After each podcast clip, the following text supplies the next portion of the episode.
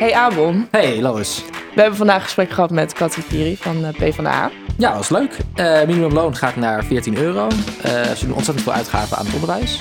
Hoeveel precies dat per student die gecompenseerd moet worden voor de studie, weet ik nog niet precies. Ja, dat moesten we nog even uitrekenen. Nou ja, als jullie benieuwd zijn, luister dan snel verder.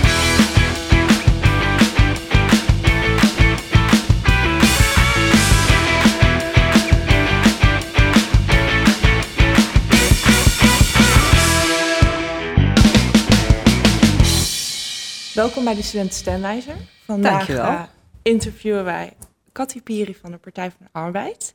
De Partij van de Arbeid kennen wij van eh, de Rode Roos, die elk jaar over straat wordt uitgedeeld. Maar we kennen de Partij van de Arbeid ook van een historisch verlies wat de vorige landsverkiezingen is geleden. Ehm, ga jij dit jaar het bolletje rood kleuren voor de Partij van de Arbeid? Eh, laat je informeren met ons interview met Katty Piri, de Turkije-rapporteur en Europees parlementlid van de PvdA. Welkom. Dank jullie wel. Hey, wat fijn dat je er bent. Hoe gaat Hartstikke het leuk. Ja, hoe gaat het?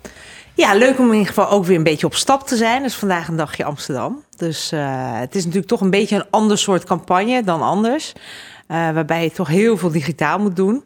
Dus het is ook weer fijn om zo'n dag te hebben dat je gewoon eh, lekker en hier in de studio zit en straks even de straat op gaat. Ja, vind het ook altijd erg lekker om eh, er even uit te gaan. Zeker. We hoorden net eh Turkije-rapporteur en Europees parlementlid. Eh, in Nederland kennen niet zo heel veel mensen u. Zou u wat meer over uzelf kunnen vertellen? Ja, ik ben eh, 41. Ik ben geboren in Hongarije. Mijn vader is ooit als vluchteling uit Hongarije naar Nederland gekomen. Later mijn moeder leren kennen. Anders snappen mensen nooit waarom je zegt: Ik ben er geboren. Eh, en toen ik één was naar Nederland gekomen, in Utrecht opgegroeid. Internationale betrekkingen gestudeerd, uiteindelijk eh, aan de Universiteit in Groningen. En eh, begonnen eigenlijk 17 jaar geleden met een stage in de Tweede Kamer bij Frans Timmermans. En 17 jaar later nu zelf kandidaat eh, voor de Tweede Kamer. Dus altijd internationaal georiënteerd geweest. Veel jaren in Brussel gezeten. Afgelopen zeven jaar als eh, Europarlementariër voor de Partij van de Arbeid. En eh, nu ontzettend veel zin in om in Den Haag aan de slag te gaan. Een stage kan dus echt ergens naar lopen. Ja. Ja, zeker, ja. Oké. Ja, je blijft plakken. Ja, Ehm, u was Turkije-rapporteur en u bent nu eigenlijk een beetje persona non grata in Turkije. Ja, al een Ehm, tijdje. on- ja, ja, inderdaad. Ondanks was u ook doelwit van een DDoS-aanval ehm, van Tur- Turkse hackers. Wat is daar gebeurd? Ja, kijk, als Turkije-rapporteur wat je eigenlijk doet... is eh, heel kritisch volgen wat er gebeurt. Komt Turkije dichter bij de Europese Unie of drijven ze verder af? Nou, helaas is dat laatste het geval de afgelopen jaren. Dus mijn rapporten waren ook elk jaar heel kritisch. Eh, dus ik denk dat mijn naamsbekendheid in Turkije iets groter is dan eh, in Nederland. Ook zeker, zeker bij president Erdogan en de regering. Ehm, ik had hier in Amsterdam, eh, was ik bij een demonstratie geweest...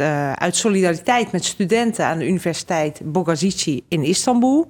Die demonstreren omdat zij opeens een rector is benoemd eh, door de politiek. Gewoon een partijgenoot van president Erdogan... in plaats van een onafhankelijke rector. Gaan al twee maanden de straat op. Dus we hadden hier een mooie solidariteitsactie. Ik zette dat op Twitter en kreeg meteen de volle lading... van de minister van Binnenlandse Zaken uit Turkije. En drie dagen later, nou ja, toeval of niet, een, ehm, een hackersaanval, een DDoS-aanval inderdaad. We zijn niet gehackt. Waardoor mijn website, maar ook de website van de Partij van de Arbeid... eh, gewoon echt uit de lucht ging. En tot op de dag van vandaag is het zo dat wij al het verkeer, internetverkeer vanuit het buitenland moeten weren, omdat die DDoS-aanval nog steeds gaande is. En dat betekent gewoon kiezers die in het buitenland zitten en die even willen kijken voordat ze een stem uitbrengen, bijvoorbeeld op de standpunten van de Partij van de Arbeid op onze website. Ja, die hebben eigenlijk niet of heel moeilijk toegang tot onze website. Dus het is ook gewoon echt vervelend in verkiezingstijd dat er zoiets gebeurt. Ja, dat is wel heel vervelend. Dus mensen uit het buitenland kunnen helemaal niet, of bijna niet eigenlijk nu uw standpunt bekijken. Ja, twee weken lang was dat in ieder geval het geval. Ik weet niet hoe dat vandaag is. Mhm. Eh, kijk, ik kan de website alleen maar vanuit Nederland Ja. bezoeken. Ja, ja, ja. Eh, maar ik weet in ieder geval dat we twee weken lang eh, die problemen hadden. En dat was met name ook in die tijd dat je als Nederlander in het buitenland je stem uit kon brengen. Ja. En dat gaat dan toch om 60, 70.000 kiezers. Eh, en je ziet, een van de grote partijen in Nederland ligt gewoon, de website is gewoon onbereikbaar. Ja, jeetje. Oké, laten we doorgaan. We hebben ehm, ieder interview doen we een vuurpeloton, noemen Ja. we dat. En eh, dat zijn ditjes, datjes. En dan Klinkt moet je gewoon- aardig. Ja, het klinkt heel aardig. ja, ja, ja, ja. Het is heel vriendelijk hoor. het valt best wel mee. Eh, dus eh geven we twee opties en dan moet je gewoon snel één van de twee kiezen. We beginnen met haché of goulash. Goulash. Minimumloon naar 14 euro per uur of de basisbeurs terug? Oeh. Nou, laten we dan minimumloon doen. Oké, Studentenhuis of langer thuis? Studentenhuis. Brussel of Den Haag? Moeilijk. Nou, laten we dan nu Den Haag zeggen. Bijbaantje of bijlenen? Bijbaantje. Oké. Nou, dat waren ze. Ehm, dus als u, als u er eentje misschien een beetje wil nuanceren of denkt, nou, daar wil ik nog wat meer over vertellen. Bijvoorbeeld ehm, misschien minimumloon naar 14 euro per uur of basisbeurs terug. Ja, kijk, ik vind het ontzettend belangrijk. eh, allebei vind ik heel erg belangrijk. Want het, het gaat erom dat je ehm, die onzekerheid weghaalt bij mensen. En we zien nu gewoon dat er heel veel jongeren, want het zijn met name ook heel veel jongeren die op, die, eh, op dat minimumloon zitten. Eh, dat ze gewoon niet rond kunnen komen, zelfs als ze fulltime werken. Naast alle andere onzekerheden die je al hebt. Dat je niet een vast contract hebt. eh, dat je niet, geen toegang krijgt tot de woningmarkt. Dus ik zat meer te denken aan in een vuurpeloton, hè, snel Ja. antwoord geven van waar help je meer mensen mee dan misschien met de basisbeurs. Dus het was meer de volume waardoor ik dacht, nou, als we dat minimumloon omhoog kunnen doen, maar het is natuurlijk hopelijk niet iets wat je hoeft uit te wisselen. Eh, de Partij van de Arbeid heeft gezegd eh, dat minimumloon omhoog, de komende vier jaar naar 13 euro en verder omhoog naar 14 euro in de jaren daarna. Dat is gewoon een absolute rode lijn voor ons. En gelukkig zien we, als het gaat om het eh, terugkeer naar de basisbeurs, dat je langzaamaan ziet dat daar toch ook wel een Kamermeerderheid voor lijkt te zijn. Dus ik hoop ook dat we het allebei gedaan kunnen krijgen. Of wij nou in de oppositie of in de regering zitten. De Partij van de Arbeid zal dit, dit zijn de twee hele belangrijke punten voor ons. We komen zo terug bij eh, de basisbeurs, daar gaan we het nog over hebben. Eh, u was heel snel met de haché. Of nee, sorry, met de goulash. ja. Vanwaar? Nou ja, Hongaarse afkomst natuurlijk. Hè? Dus eh, het is wel grappig. Kijk, in, in, in Hongarije is eh goulash. eh, sorry. Nee hoor, nee, ik denk niks kwalijks. De hele wereld kent het als goulash. Ja. Is eigenlijk vooral een soep. En in Nederland zien we het vooral als een, hè, in ieder geval niet een vochtig gerecht, een vleesgerecht. Ehm, ik zeg niet dat ik het heel vaak eet, maar ehm, ja, goulash vind ik wel heel lekker. Oké. Nou, Een goede goulash, ja, kan je me weer, eh, ja, Voor wakker maken. zeg maar. zeker. nou ja, s ochtends is het misschien iets te zwaar op de maag, maar ja. Ja. Laten we doorgaan naar eh, de partij, PvdA. Ehm, alle partijen hebben een beetje een stereotype. En zo ook de PvdA. Eh, we hebben dus ook onze volgers gevraagd. En zij vonden eigenlijk dat het, ja, het was een beetje een partij waar hun ouders of grootouders op stemden. Een beetje vergaande glorie. Eh, kunt u zich vinden in dat stereotype? Ja, je denkt toch niet dat ik hier natuurlijk met ja op ga antwoorden. Het, is in ieder geval, het is in ieder geval een van de oudste partijen in Nederland. Dat klopt. Eh, we hebben afgelopen maand hebben we ons 75-jarig eh, jubileum, verjaardag gevierd. En ik denk dat er ook wel heel veel is om trots op te zijn. Het is natuurlijk ook niet zo raar dat veel ouders of grootouders in het verleden Partij van de Arbeid hebben gestemd. Er zijn in Nederland drie grote volkspartijen. En de PvdA is daar één van. En het opbouwen van de verzorgingsstaat. eh, heel veel zekerheden. Jarenlang het bouwen van eh, genoeg huurwoningen. eh, kunnen we ons nu niet meer voorstellen. Ehm, ehm, weet je, dat, dat is wel ook de rijke traditie van de Partij van de Arbeid. Ook een van de redenen waarom ik erbij zit, een hele rijke traditie ook van internationale solidariteit. Dat was ooit de reden waarom ik lid ben geworden eh, van de partij. Is het een partij die, ehm, nou ja, wat, wat jij zegt, hè, een, een partij vooral van het verleden? Ik hoop het niet. ik hoop het niet. Ik denk, eh, als je nu kijkt naar onze kandidatenlijst, is misschien wel de meest eh, toekomstgerichte lijst die er is van alle politieke partijen. Ik ben er echt trots op, op heel veel verkiesbare plekken. Hè, want het is makkelijk om jongeren eh, op je lijst te zetten, maar eigenlijk op een plek dat ze nooit in de Tweede Kamer komen. We hebben volgens mij eh, de jongste kandidaat van 21 staat gewoon in de top 10. In de top 20 zie je nog drie, vier mensen die zelfs onder de 25 zijn. Nou ja, ik hoop na 17 maart dat zij gewoon ook de toekomst van de Partij van de Arbeid kunnen zijn. Want heel veel vraagstukken. We zien nog steeds dat in deze samenleving de ongelijkheid groeit. Ja. Dat de Ja. Er kansengelijkheid staan er best wel wat jonge mensen op de lijst, maar spreken jullie ook echt jonge mensen aan? Ja, dat, dat denk ik wel. Weet je, dit zijn ook mensen die. ehm, ehm, puur dat je jong bent, betekent niet. Ehm, dat je niet al heel veel ervaring hebt in de politiek. Het zijn onze fractievoorzitters vaak uit de land, uit de eh, regionale politiek, uit de grote steden. Of ehm, eh, Julian Buschoff bijvoorbeeld is onze fractievoorzitter in Groningen. Eh, je ziet mensen ook. eh eh Haptamu de Hoop staat in de top 10.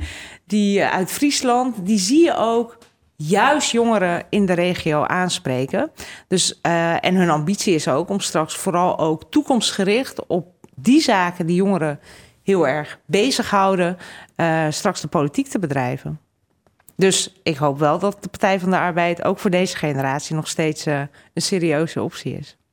Nou, we gaan het ook meemaken natuurlijk op 17 maart. Zeker. eh, in, in hoeverre dat klopt. En we hadden het in het, in het begin er ook al een beetje over. Jullie hebben afgelopen landsverkiezingen echt eh, heel erg verlies geleden. Volgens mij 29 zetels. Gaan jullie en hoe gaan jullie dat inhalen? Nou, dat, dat was de meest pijnlijke nederlaag ooit van de Partij van de Arbeid. Eh, dus eh, natuurlijk zit, eh, zit dat nog wel vers in het geheugen. En tegelijkertijd moet ik zeggen, heb ik ook weer een, een hele andere Partij van de Arbeid gezien... die de grootste is geworden bij verkiezingen. We vergeten het wel eens dat bij de allerlaatste verkiezingen... de Partij van de Arbeid echt by far de grootste partij was. 19,1 procent. Eh, zes zetels in het Europees Parlement, waar ik zelf eh, eh, natuurlijk ook die campagne heb meegemaakt. En je ziet dus ook dat, er, dat het echt niet zo is dat de Partij van de Arbeid niet een verhaal heeft. Eh, waarin je mensen mee kan krijgen. Waarin je ook eh, realistisch eh, plannen kan maken voor een eerlijke Nederland. En dat hebben we anderhalf jaar geleden laten zien met de Europese verkiezingen. Dus als je het niet erg vindt, vind ik dat een lekkerder referentiepunt dan Ja, 2017. Nou, we willen nu eigenlijk naar het eerste thema eh, door. En dat is de coronacrisis. Dus we hebben eigenlijk afgelopen maanden gezien dat, dat vooral jongeren en studenten heel erg lijden onder de, de maatregelen Ja. en de lockdown. En dan vooral mentaal. Dus het, het ehm, afnemen van sociale contacten en de stress van thuisstuderen zorgt echt voor eetstoornissen en depressies onder jongeren. Wat doet de PvdA op de korte termijn om, om deze mentale druk op jongeren en studenten te verlichten? Ja.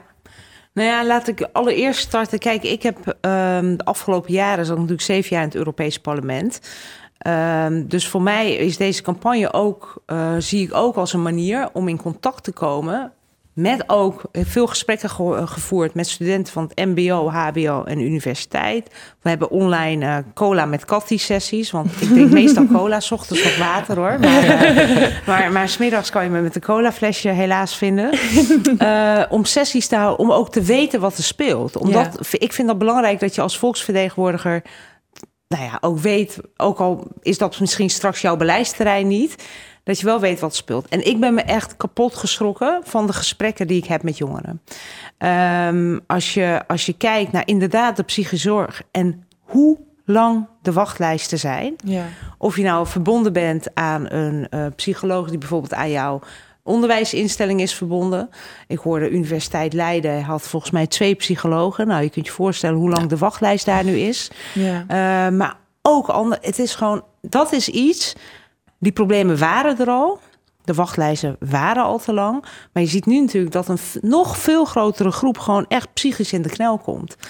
Dus Dus heeft de PvdA daar ook echt, echt beleid op geschreven om, om die korte termijn druk dus dan wel een beetje te verlichten? ja, dat is natuurlijk iets wat nu wat je ziet in de Kamerdebatten. Hè? Dat is niet zozeer, denk ik, iets voor. ehm, voor alleen maar in je verkiezingsprogramma, Mhm. als je het echt hebt over het nu en de komende drie, vier maanden. Maar dat is natuurlijk iets waar de Partij van de Arbeid zich elke week in dat coronadebat, of om de week in de Tweede Kamer, zich voor inzet. Dat er aandacht komt voor die psychische problemen. We hebben zo lang gekeken alleen maar naar de IC-capaciteit. Ja. Ehm, en iedereen vindt het ook niet meer dan logisch op het moment dat jij een auto-ongeluk zit, dat je meteen naar het ziekenhuis wordt gebracht en wordt geholpen. En je ziet dat er gewoon veel minder aandacht is voor de psychische effecten. Gelukkig de laatste tijd wat meer. Dus meer investeren ook in bereikbare psychische zorg en een betaalbare GGZ, waar voldoende capaciteit is. En ik denk dat dat een van de dingen is die ontzettend belangrijk is. En je zag al, vind ik, de afgelopen maanden, ehm, mede doordat jongeren zich zijn gaan uitspreken, aan talkshowtafels zaten, dat er eindelijk ook aandacht is voor hoe ontzettend moeilijk deze periode is.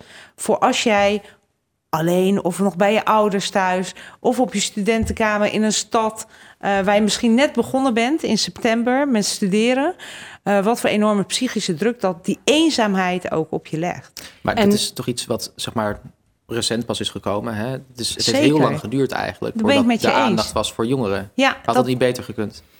Zeker, um, dat ben ik met je eens. Uh, maar je zag dat toch de eerste pijlen, eigenlijk in alle landen, hè, helaas niet alleen in Nederland, echt waren gericht op mensen die sterven vanwege corona en de IC-capaciteit die vol zit.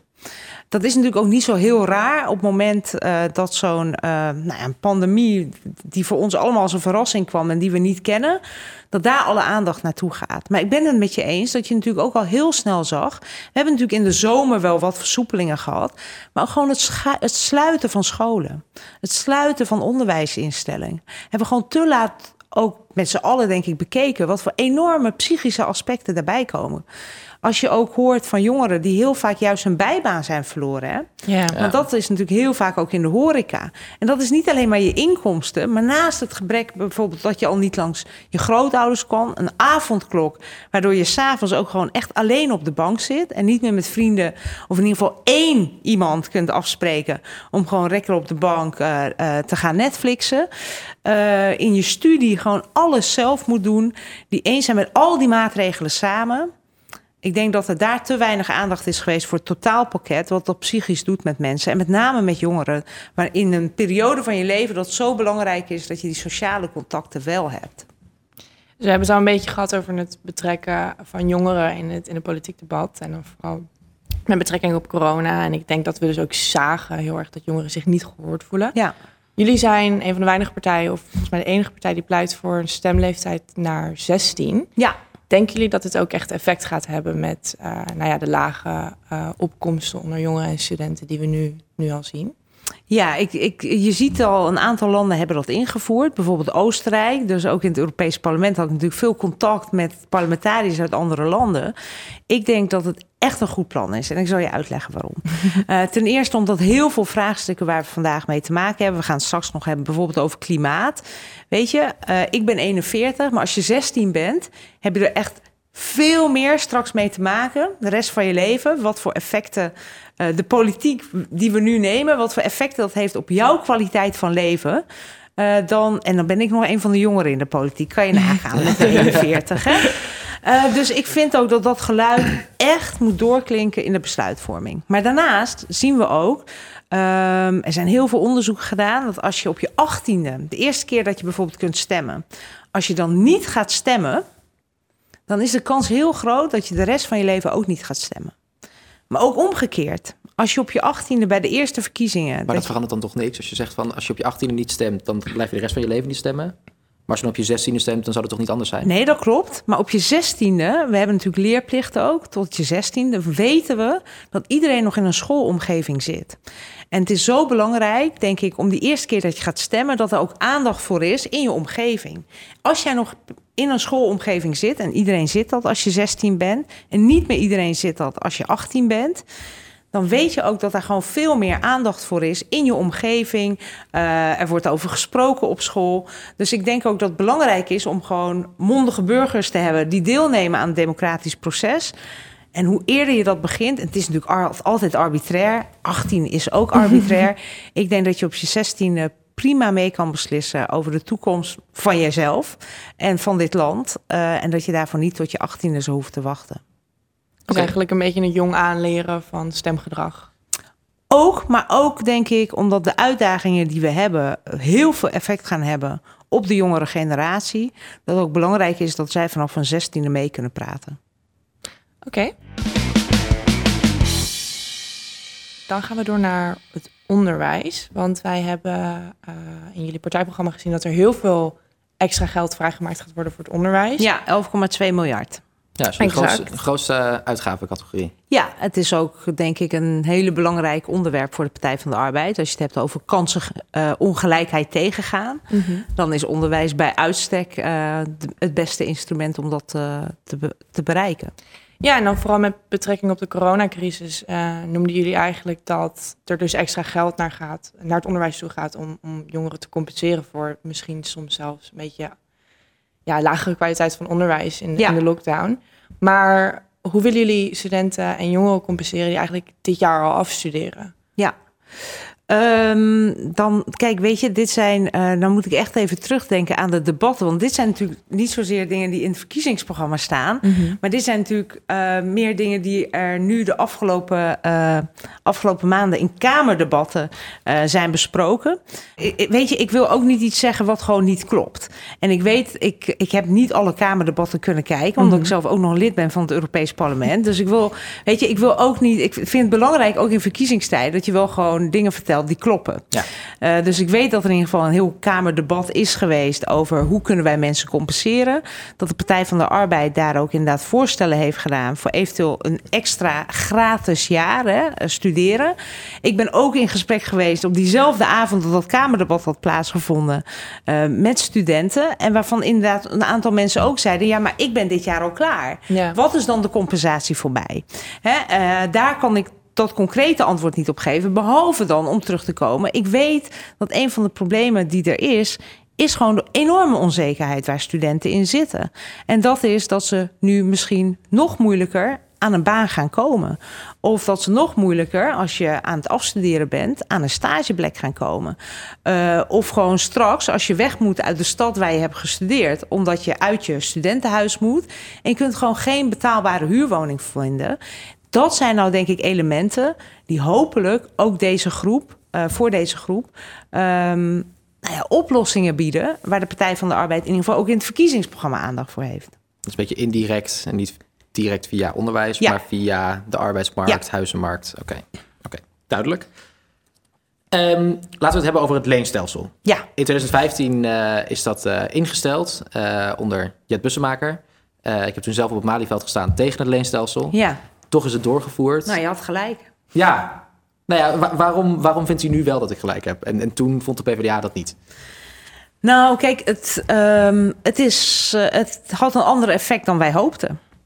Ehm, de Partij van de Arbeid staat voor kansengelijkheid. Dus eh, we dachten, kijk, eh, je, je financiert natuurlijk de studiebeurs vanuit belastinggeld, waar iedereen aan meebetaalt.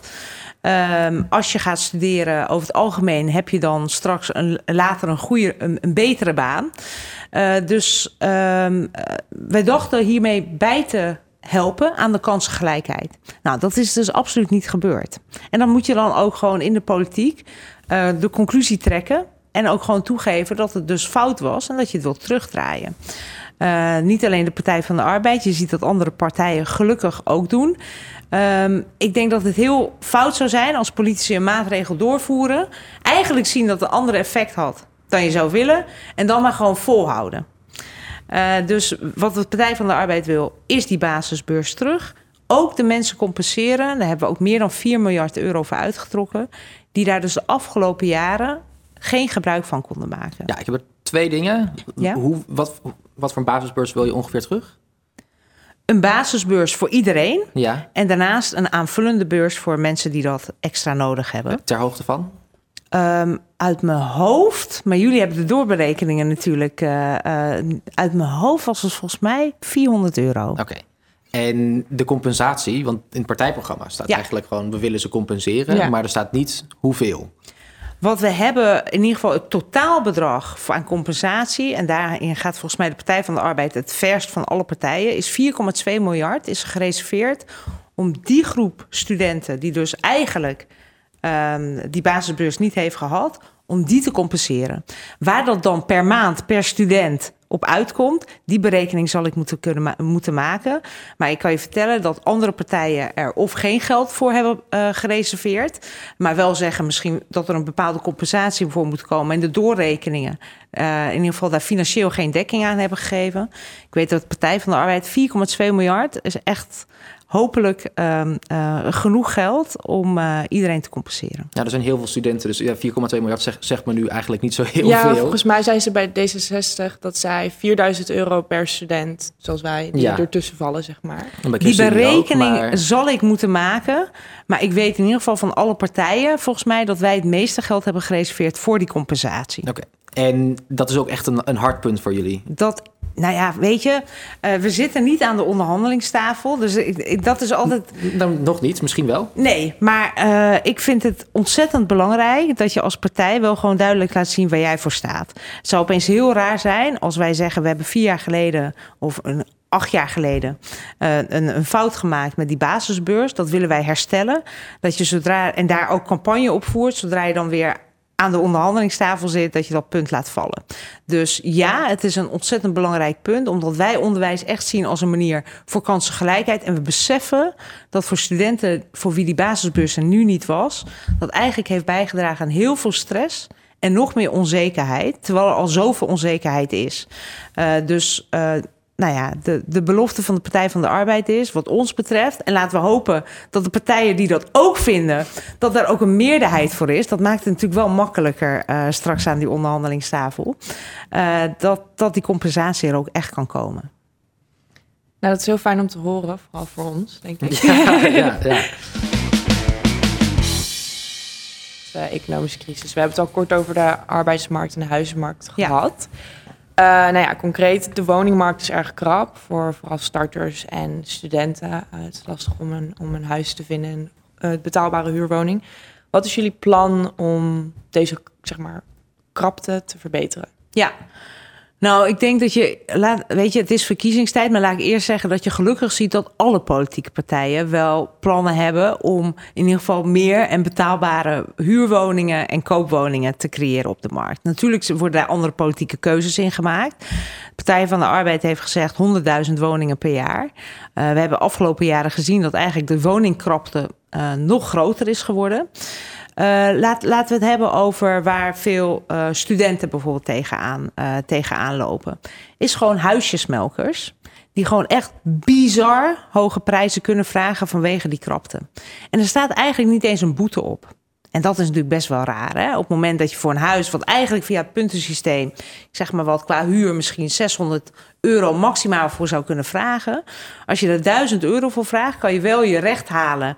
Hè, uh, dat je minder huur moet betalen. Maar die man of die vrouw, die, die, die, die pandjesbaas, komt daar gewoon mee weg. Dus dat aanpakken. Extra belasten van mensen die meer dan één huis hebben. Die eigenlijk huizen zien als een soort uh, verzameling. Uh, maar daarnaast ook gewoon huizen bouwen. En uh, betaalbare huizen, hopelijk ook in een zo groen mogelijke omgeving. Het laatste wat we willen is dat je alleen nog maar beton ziet in, in steden. En dat betekent dus ook keuzes maken qua hoe we omgaan met de grond in Nederland. we weten dat er nu een bouwstop ligt vanwege enorme stikstofuitstoot. dus dat is iets wat je ook moet tegengaan door uh, minder, uh, minder in de, in de veeteelt, uh, door dat te verlagen. En dan ook gewoon grond beschikbaar stellen voor meer natuur en meer betaalbare woningen.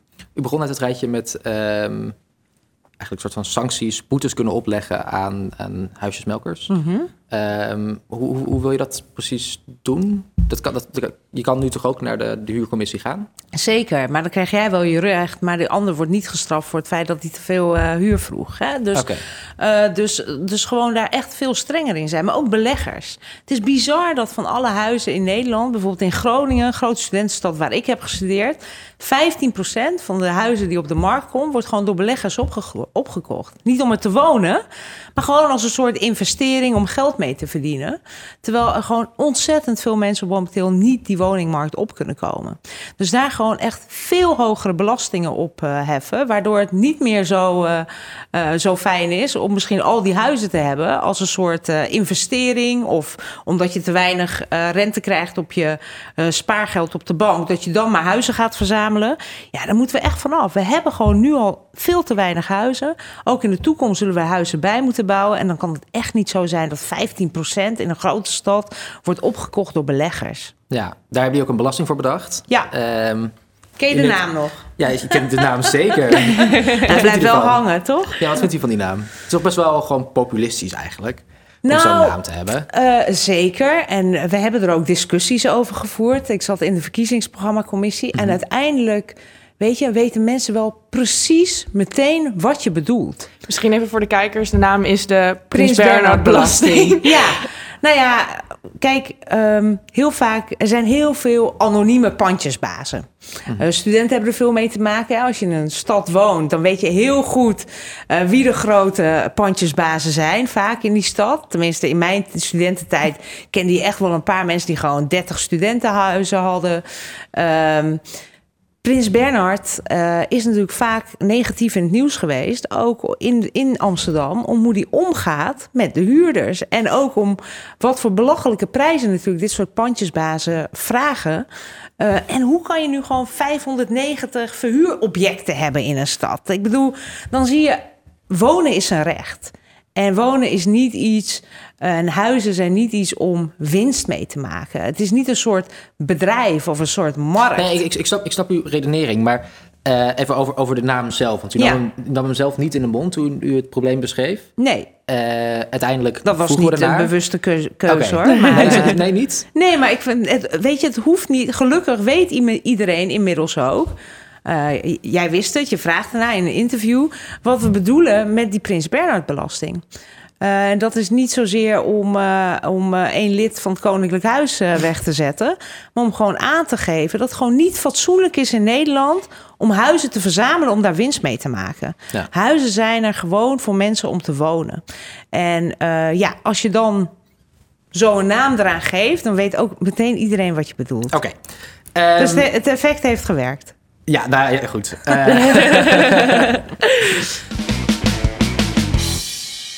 Laten we verder gaan naar, naar de arbeidsmarkt. Een, Ja. een thema waar we ook al kort overheen zijn gegaan. Ehm, wat gaan jullie doen om meer werkgelegenheid te creëren? Ja, nou ja, ik ben er wel trots op als je kijkt naar inderdaad onze, de doorrekeningen. Hè. Dat is echt iets typisch Nederlands gelukkig. Iets waar ik heel trots op ben. Dat politieke partijen niet alleen een verkiezingsprogramma eh, schrijven... maar dat er ook door onafhankelijke experts wordt gekeken... hoe realistisch dat is, wat dat kost... en of het wel de effecten heeft die je wil. En wat je ziet is dat er eh, met de Partij van de Arbeid... eh, eh, doorrekening van ons verkiezingsprogramma... werkloosheid een volle procentpunt eh, terugneemt. En dat er eh 100.000 nieuwe banen ook worden gecreëerd. Ik denk dat dat ontzettend belangrijk is. A, en dat zijn, ehm, dat zijn banen die, we, eh, die mensen wel hebben, maar die soms gewoon niet worden gezien als volwaardige banen. Ehm, dus een deel daarvan zijn basisbanen. Eh, dat zijn er 60.000 van die 100.000. Dat zijn mensen die bijvoorbeeld ehm, een, een, een speeltuin ehm, eh, beheerder zijn, maar daar eigenlijk gewoon niet voor betaald worden. Hè, banen die op dit moment heel veel worden gedaan als vrijwilliger, maar die we gewoon allemaal nodig hebben. Dus dat is één daarvan. Eh, en ik Dus- denk ook. van, van de 100.000 banen die jullie gaan creëren, zijn er 60.000 eigenlijk die er al bestaan, maar dan op vrijwillige basis. Ja, basisbanen inderdaad, die Maar dan neemt- eigenlijk gewoon Dan neemt de werkgelegenheid toch niet toe? Nou ja, kijk, een hoop, een hoop van die mensen eh, kunnen, daar, eh, kunnen daar dan ook van eh, rondkomen. Je ziet in totaal, als je kijkt naar ons economisch plan, dat de werkgelegenheid dus ook toeneemt. Sterker nog, van alle partijen de komende vier jaar het meest. En, dat in een, en dat in een onzekere tijd, waarin natuurlijk heel veel mensen ook bang zijn dat ze hun werk gaan verliezen. Dus het is niet alleen maar banen creëren, het is ook meer baanzekerheid geven. Een vast contract wat de basis hoort te zijn. Dus je haalt ook bij werkende mensen heel veel onzekerheid, denk ik, weg, die er nu wel in zit. En je zag in de coronacrisis dat juist de mensen met onzekere contracten zijn, die als eerste ook eigenlijk thuis kwamen te zitten zonder werk. Of nulurencontracten, eh waar wij zelfs een verbod op willen. Eh, dus ehm, uiteindelijk is het ook belangrijk dat die ongelijkheid niet toeneemt. Dat mensen die meer zekerheid krijgen. En we zorgen dus voor dat niet alleen werken meer loont. Ook trouwens voor mensen, er zijn helaas nog heel veel mensen die echt op een minimumloon zitten. Waar we het even over hadden. eh waarmee je fors dat minimumloon kunt verhogen. Eh, en daarmee ook gewoon, als je een volledige baan hebt, je ook gewoon fatsoenlijk kunt rondkomen. Want het kan niet zo zijn in een rijk land als Nederland... dat je gewoon 40 uur in de week werkt. Eigenlijk dat dat geld wat je verdient niet genoeg is om van rond te komen. Ja, volgens mij vindt iedereen werkende armen heel erg en wil die daar wel wat aan doen. Nou Maar- ja, dat, daar is in ieder geval de afgelopen vier jaar helemaal niks aan gebeurd. Ja, Ja. we hebben het, eh, u, u noemde kort al, eh, de flexibilisering op de arbeidsmarkt, flexcontracten, iets waar Ja. wij ook heel erg mee in aanraking komen straks waarschijnlijk. Ehm, hoe willen jullie dat concreet tegengaan? U zei al een beetje een verbod op nul-euro contracten, maar daar, daarnaast? Nou eigenlijk moet gewoon vast werk weer de standaard gaan worden. Eh, je zag ook de afgelopen jaren dat daar ehm, de regering heeft meerdere expertsgroepen ingezet. Van kijk nou eens naar die woning of naar de arbeidsmarkt. Als je het vergelijkt met heel veel andere Europese landen, is er eigenlijk geen land om ons heen wat zoveel onzekere contracten heeft. Waar er zoveel eh, eh, zelfstandigen zijn. En zelfstandig, eh, dat kan heel leuk zijn. Hè? Daar is op zich ook niks, niks mis mee. Maar ook gewoon gedwongen zelfstandigen. We hebben natuurlijk, de Partij van de Arbeid heeft heel veel de afgelopen jaren ook geïnvesteerd. Bijvoorbeeld in de maaltijdbezorgers van Deliveroo of Uber. Dat is niet een soort luxe hè, die je hebt. Dat is gewoon enorm veel onzekerheid. Ook als je ziek wordt, ook als je arbeidsongeschiktheid, eh, eh, arbeidsongeschikt wordt. Dus wij vinden in ieder geval dat die, eh, een normaal contract zou. Een vast contract zou eigenlijk weer het gewone normaal moeten worden. En alle andere vormen van, van contracten eigenlijk de uitzondering. En helaas zie je nog te veel dat, nou ja, dat de werk, werknemer gedwongen wordt in een flexcontract of een nul-urencontract of een oproepcontract. En dan ook nog eens zelf moet opdraaien voor als je pech hebt. eh, en bijvoorbeeld arbeidsongeschikt wordt of ziek bent. Dus daar hele concrete maatregelen. Ja. En, en wat zijn die maatregelen dan precies? Is dat het dan aantrekkelijker maken voor eh, werkgevers om vast contract aan te bieden? Of heb je daar een andere Zeker ook. Dus dat betekent ook gewoon dat je in Nederland afspraken moet maken over hoe, je, eh, hoe werkgevers en werknemers, wat voor contracten daar mogelijkheid, mogelijk zijn. Eh, en dat moet dus gewoon veel meer gericht zijn op die vaste contracten, het tegengaan van die schijnzelfstandigheid en ook gewoon verplicht verzekeren van mensen die eh, momenteel nog als ZZP'er werken en gewoon eigenlijk te weinig verzekerd zijn tegen als ze pech tegenkomen in het leven. Ja, u noemde net, u zei net dat u de nul-urencontracten wil eh, verbieden. Ehm, ik vind dat zelf eigenlijk best wel lekker. Nu ben ik heel druk met de interviews, dus hoef ik niet te werken, of wil ik niet werken eigenlijk, en kan ik dus ook niet werken. Hè? Ja. Ehm, maar als ik zou willen, kan ik volgende week weer heel veel werken. Ja. Ehm, mag dat straks niet meer? Nou ja, kijk, het is, eh, het is zo denk ik dat het belangrijk is dat je naar die hele arbeidsmarkt kijkt. Eh, dat er altijd flexibiliteit is natuurlijk voor mensen die graag anders, zelf anders willen. Maar wat je vergeet is dat er ook heel veel mensen op een nul-urencontract worden gezet... die dat zelf eigenlijk helemaal niet zo prettig vinden. En die daarmee gewoon eigenlijk geen zekerheid hebben van een inkomen. Wat je wel nodig hebt als je huur moet betalen en de boodschappen moet doen. Ja. Dus eh, het is niet zozeer om mensen te straffen die het eigenlijk wel prima vinden hoe het nu is. Maar om die zekerheid te bieden voor de mensen die eigenlijk in een contractvorm zitten. Eh, die voor hen gewoon heel veel onzekerheid gepaard gaat.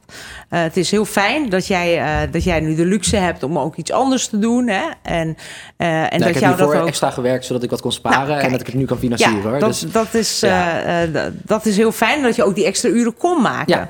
Maar je weet ook, op een nul-uren contract is dat ook niet gegarandeerd nee, voor mensen. zeker waar. Dus waar de, de basis is dat als je werkt, dat je dat gewoon ehm, niet in de stress hoeft te zitten aan het einde van de maand. Of je genoeg uren hebt kunnen draaien en of je wel rond kan komen van dat salaris.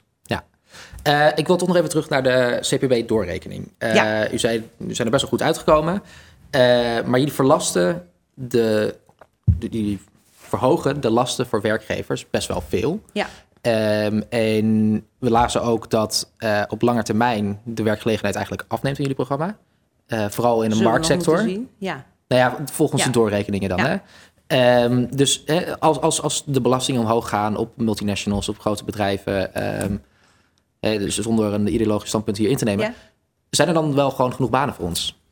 Uh, ja, en zeker, kijk, de komende vier jaar zijn denk ik cruciaal om uit deze crisis te komen. Hè. We hebben straks allemaal hopelijk een vaccin in onze arm, hopelijk nog dit jaar. Uh, maar daarna zie je ook wel de gigantische effecten die deze coronacrisis heeft gehad. We hebben het heel kort gehad over psychische effecten, maar ook op de economie. Er zijn nu heel veel mensen die nu nog uh, gesteund worden in hun inkomen.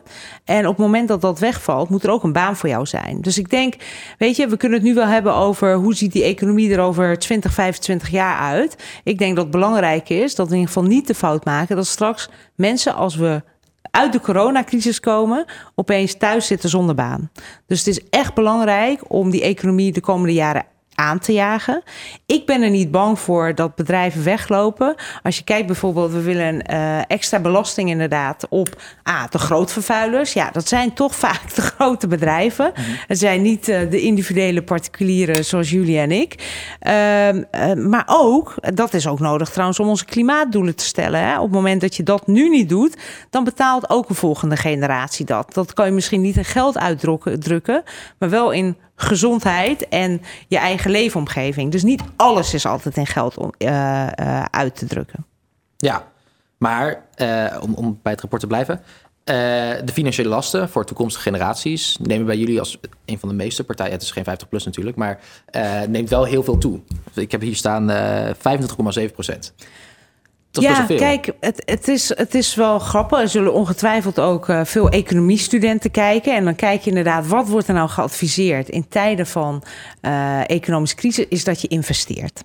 En dat doet de Partij van de Arbeid. Dat is niet uh, door bizarre kosten over te dragen op de volgende generatie, maar wel om ervoor te zorgen, a, dat wij de economie nu draaiende houden. Dat uh, mensen, de gewone mensen, niet de rekening hoeven te betalen voor deze crisis. Maar ook dat jongeren straks niet de rekening hoeven te betalen voor die klimaatcrisis. Het grappige is, dat weet je ook, uit de doorberekening zijn er maar drie partijen. En de Partij van de Arbeid is er één van. Die de eigen klimaatdoelen waarmaken. En dat kost ook geld. Uh, en wij leggen inderdaad die rekening neer bij de grote vervuilers, bij de grote bedrijven. Nou zijn er politieke partijen die het niet eens hebben aangedurfd om die berekening uh, voor te leggen. Dus dan kan je dat debat mm -hmm, niet eens mm -hmm. mee hebben. Er zijn andere partijen die gewoon eigen klimaatdoelen niet eens uh, houden. Dus ik denk, we zitten nu ook in de transitie naar een nieuwe economie, een groene economie. Daar komen inderdaad hopelijk straks ook veel werkgelegenheid bij, andere werkgelegenheid dan we nu hebben. En dat betekent in deze jaren ook inderdaad extra investeren, de staatsschuld iets op laten lopen. Uh, maar niet op een onverantwoorde manier. En ik denk dat de economiestudenten onder jullie uh, daar ook genoeg discussies over hebben in de collegebanken. Wat moet je doen in een crisis? Ja, nee, Investeren. Is, ja, ja, ja. Um, je noemde net al de kosten eigenlijk van, van de klimaataanpak. Ja. Uh, hoe willen die gaan verdelen? Eerlijk. Eerlijk. Wat is eerlijk? Wat eerlijk is, is A, de ambitieuze doelen halen. Hè? Dus dat is denk ik heel belangrijk. Uh, dat is gewoon tegen 2050 uh, klimaatneutraal en minimaal 55% CO2-uitstoot tegen 2030. De grote vervuilers, die laten wij het meeste betalen. En uh, we dragen daarnaast ook geld wat je daaruit ophaalt, CO2-belasting, uh, dragen wij ook um, bij aan het verminderen van de kosten, de stookkosten die de individuen hebben. Dat doe je door bijvoorbeeld uh, huizen te isoleren.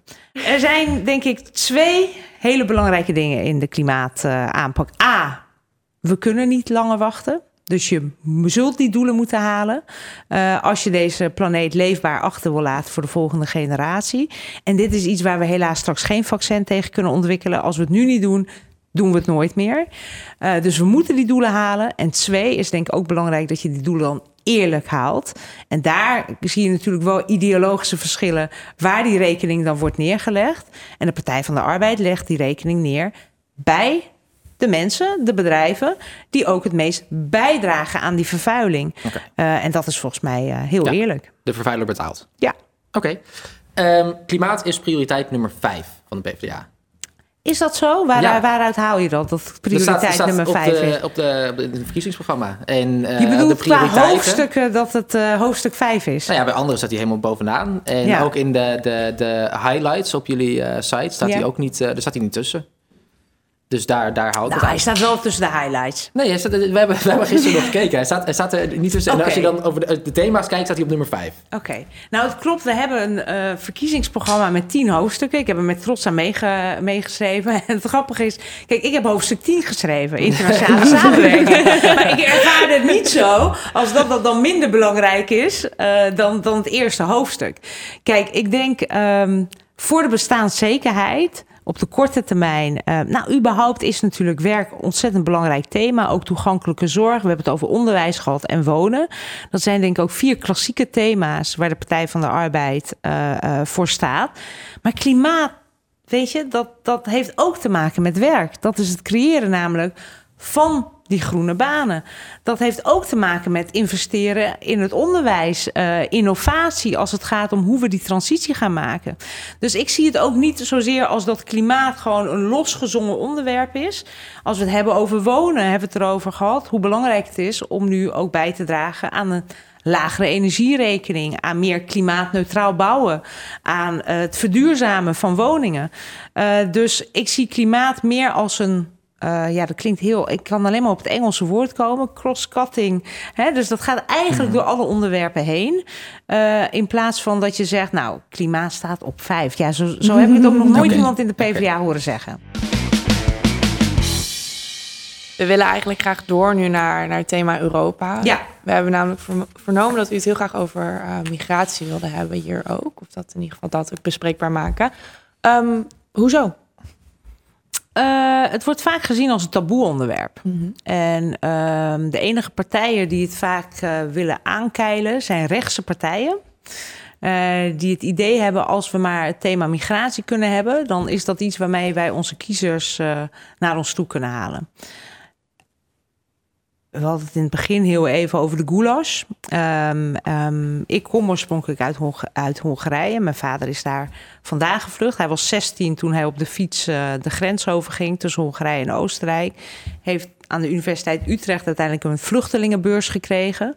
Heeft geschiedenis daar weten te studeren. Eh, dus ik weet ook uit mijn persoonlijke ervaring hoe belangrijk het is dat we altijd ruimte blijven houden in Nederland voor mensen die gewoon ehm, eh, vluchten voor oorlog of vluchten voor onderdrukking. En ik kan me soms wel echt heel erg ja, irriteren aan die discussie. Volgens, er zit Ehm, meer volgens mij.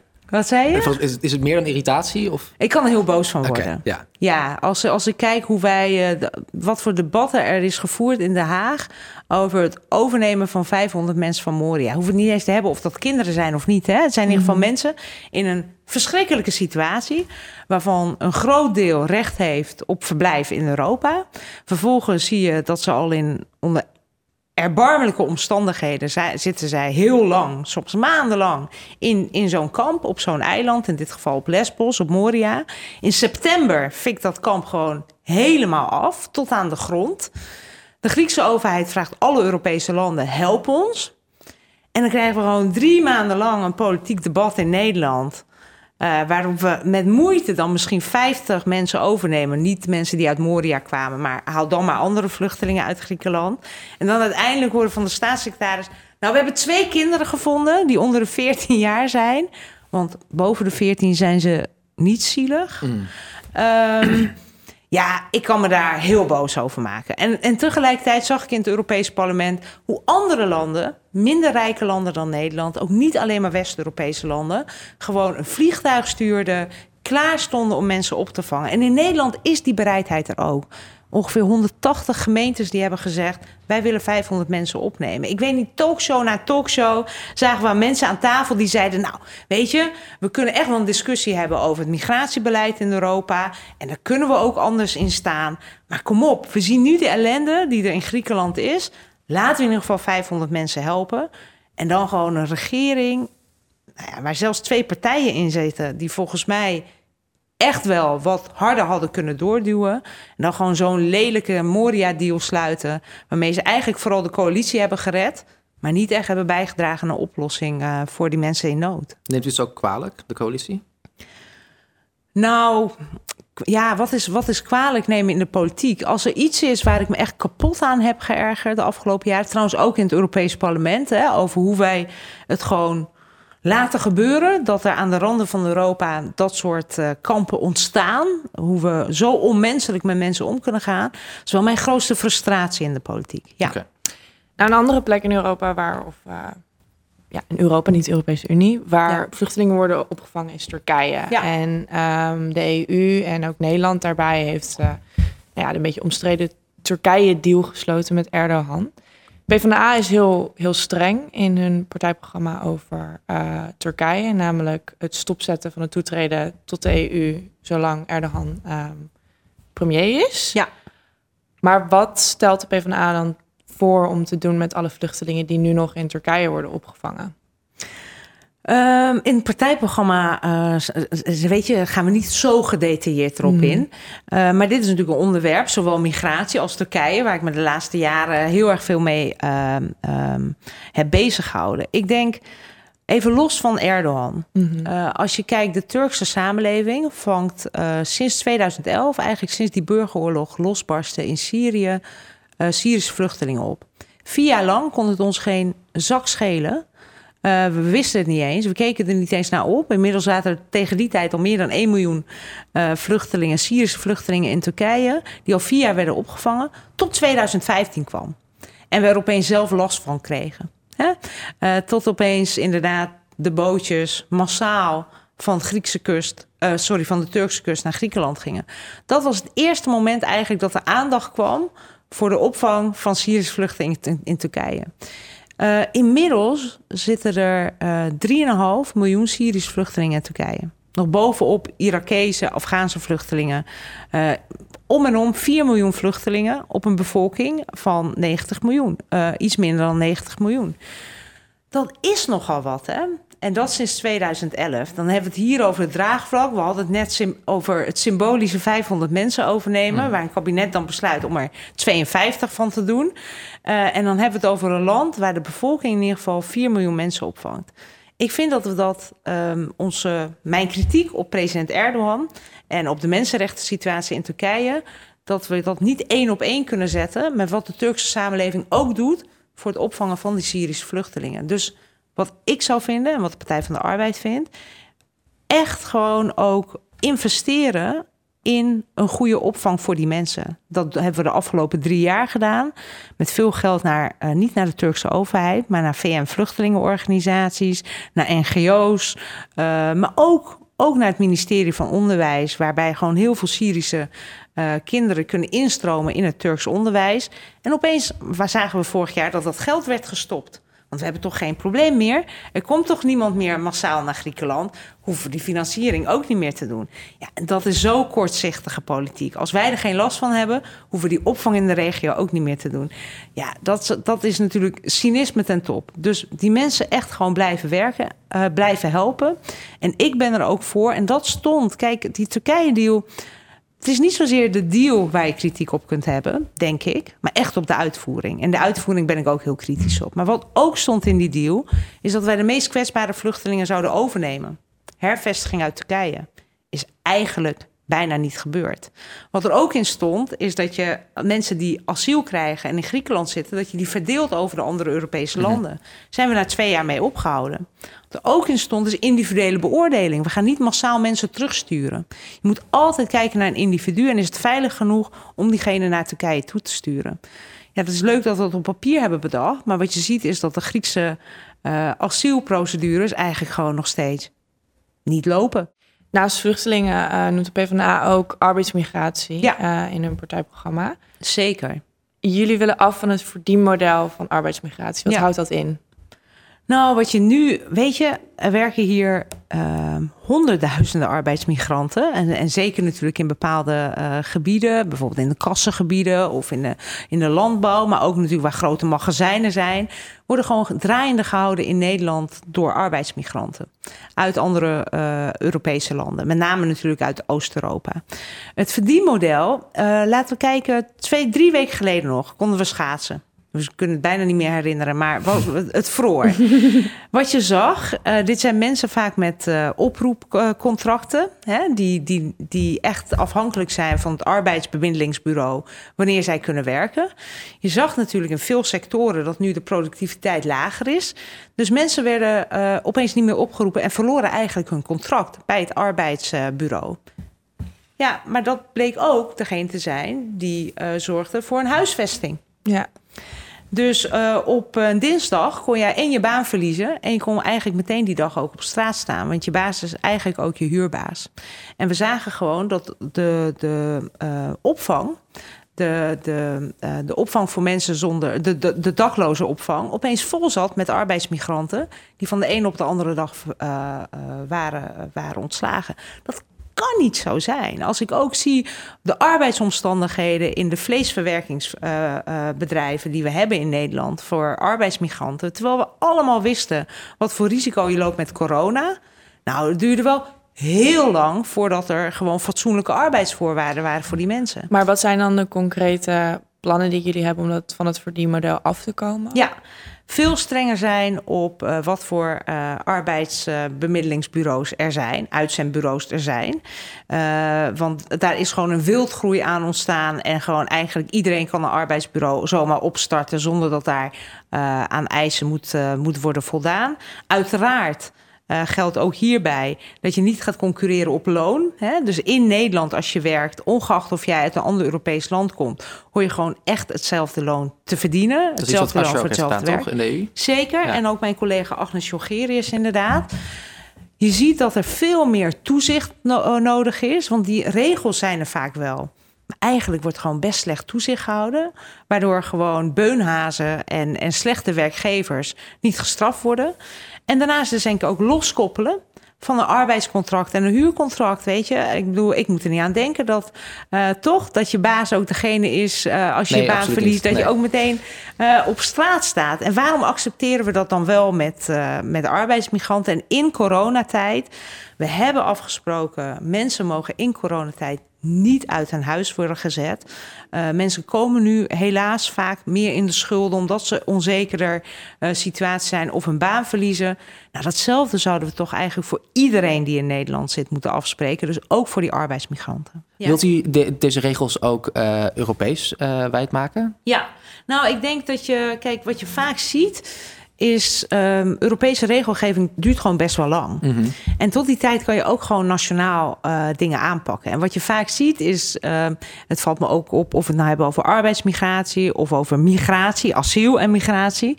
Dat ik hoor vaak de VVD zeggen, ja, laten we het vooral Europees doen. Onder het motto. Dat komt wel. Dat ja. komt wel. Voorlopig hoeven we dan niks te doen. Um, en ja, ik denk dat je daar niet op hoeft te wachten. Dus je kunt ook nationale maatregelen nemen. Je ziet ook in ons buurland Duitsland, waar ook veel arbeidsmigranten zijn, dat er echt gewoon veel strenger wordt gehandhaafd. Meer wordt gekeken naar de omstandigheden. De uitzendbureaus, de loesje uitzendbureaus ook gewoon veel strenger zijn aangepakt. Dus het wordt tijd dat we dat in Nederland ook gaan doen. Ja.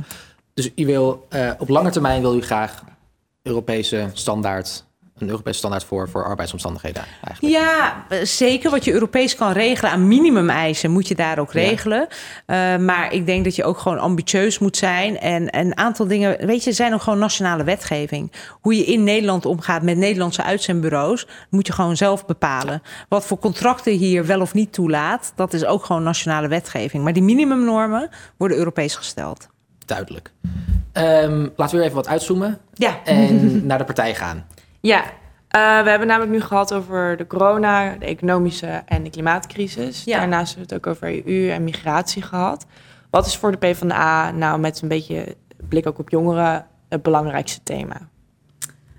Met een blik op jongeren het belangrijkste thema. Nou, ik denk uh, voor de Partij van de Arbeid in het algemeen Mhm. mm -hmm. uh, is, is dat Nederland gewoon weer eerlijker wordt. En dan En concreet betekent- tussen die, die, die crisissen? Nou, dat je de, de kansengelijkheid dus ook vergroot. En daar Mhm. speelt onderwijs gewoon een ontzettend belangrijke rol in. Het is Ja. ook uh, een van de redenen waarom wij zo extra veel willen investeren in onderwijs. Echt vanaf jongs af aan. Uh, dus ook af van die uh, kinderopvang.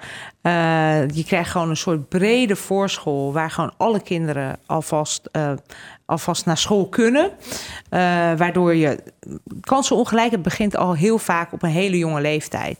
Je ziet ook dat er enorm veel stress is ingebouwd in ons basisonderwijs. Ten eerste dat er niet genoeg leraren zijn, die ook nog eens, als ze er zijn, niet fatsoenlijk betaald worden. dus we willen ook graag die stress op je twaalfde, die CITO-toets, dat je ook gewoon een soort brede, twee jaar durende ehm, brugklas hebt. Waardoor je ook gewoon laadbloeiers, hè, je, niet iedereen op de twaalfde uh, weet, uh, ja, sommige mensen komen ook iets later tot de ontwikkeling. Dat je ook gewoon mensen die gelijkheid geeft om gewoon eerst in een brede brugklas met elkaar het niveau omhoog te krikken.